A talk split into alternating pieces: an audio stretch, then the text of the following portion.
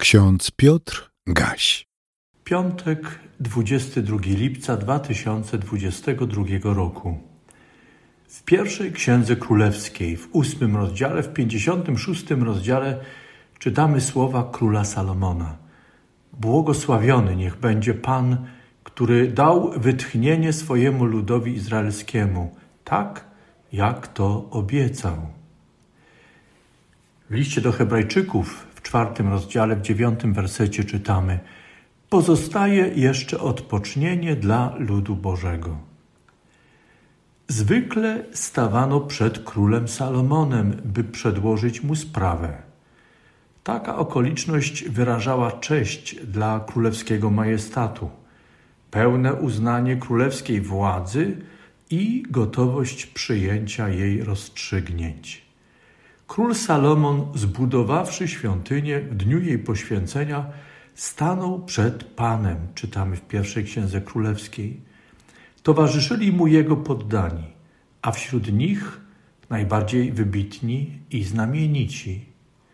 Możemy próbować wyobrazić sobie to podniosłe i poruszające wydarzenie, ale chyba najważniejsze jest zajrzenie do natchnionego tekstu. Ile razy to czynię, jestem poruszony. Czym? Tym, że ten, któremu wszyscy podlegali, teraz stanął w świątyni, by swoją postawą i wypowiedzianymi słowami świadczyć, iż jako syn Dawida, zasiadający na jego tronie, uznaje nad sobą i swoim królestwem Boże władztwo. Zobowiązuje się przedkładać wszystkie sprawy Bogu, aby On, jedyny i najwyższy, władca nad wszelkim stworzeniem, rozstrzygał jedynie według swojej woli. To było poruszające wyznanie przed wszystki, przede wszystkim przed Bogiem i nadzwyczaj mocne wyznanie przed zgromadzonym ludem.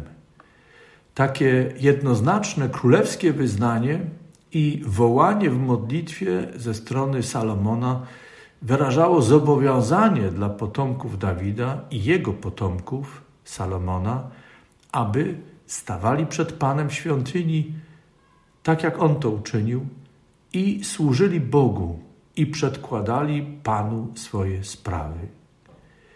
Dzisiejsze słowo z pierwszej księgi królewskiej przypomina nam, że dla Salomona stawanie przed Panem w świątyni było obrazem więzi pomiędzy Bogiem a jego ludem.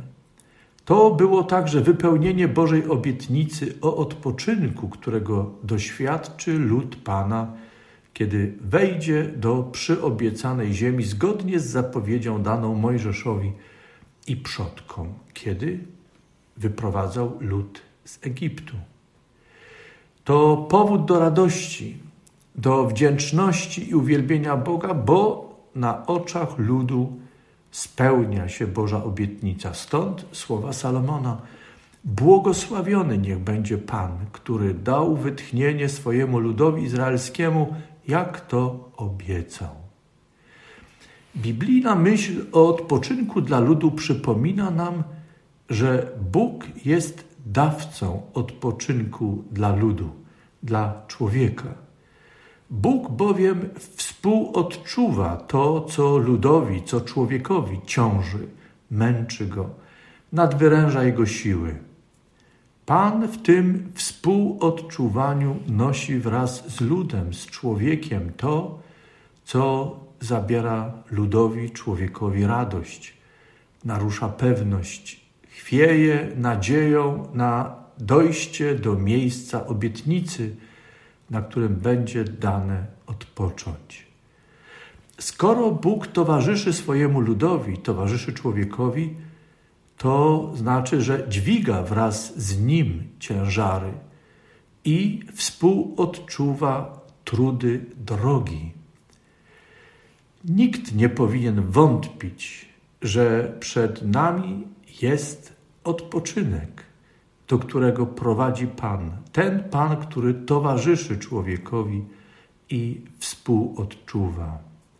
Dzisiejsze hasło z listu do Hebrajczyków wyraża to w słowach: pozostaje jeszcze odpocznienie dla ludu Bożego.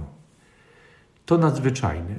Kiedy jesteśmy w drodze zmęczeni, znużeni ciągłym zmaganiem się, kiedy tracimy motywację do dalszego dźwigania ciężarów, mamy serdecznie dość, mówiąc potocznie, a nasza nadzieja pokładana w Bogu słabnie i ogarnia nas pokusa, by Bożą obietnicę uznać za coś iluzorycznego, może nawet pięknego, ale tak odległego, że wydaje się nierealne, właśnie wtedy warto wspomnieć na dzisiejsze słowa y, Salomona i na słowa z listu do Hebrajczyków, żeby wyznać, błogosławiony niech będzie Pan, który daje wytchnienie swojemu ludowi, tak jak to obiecał.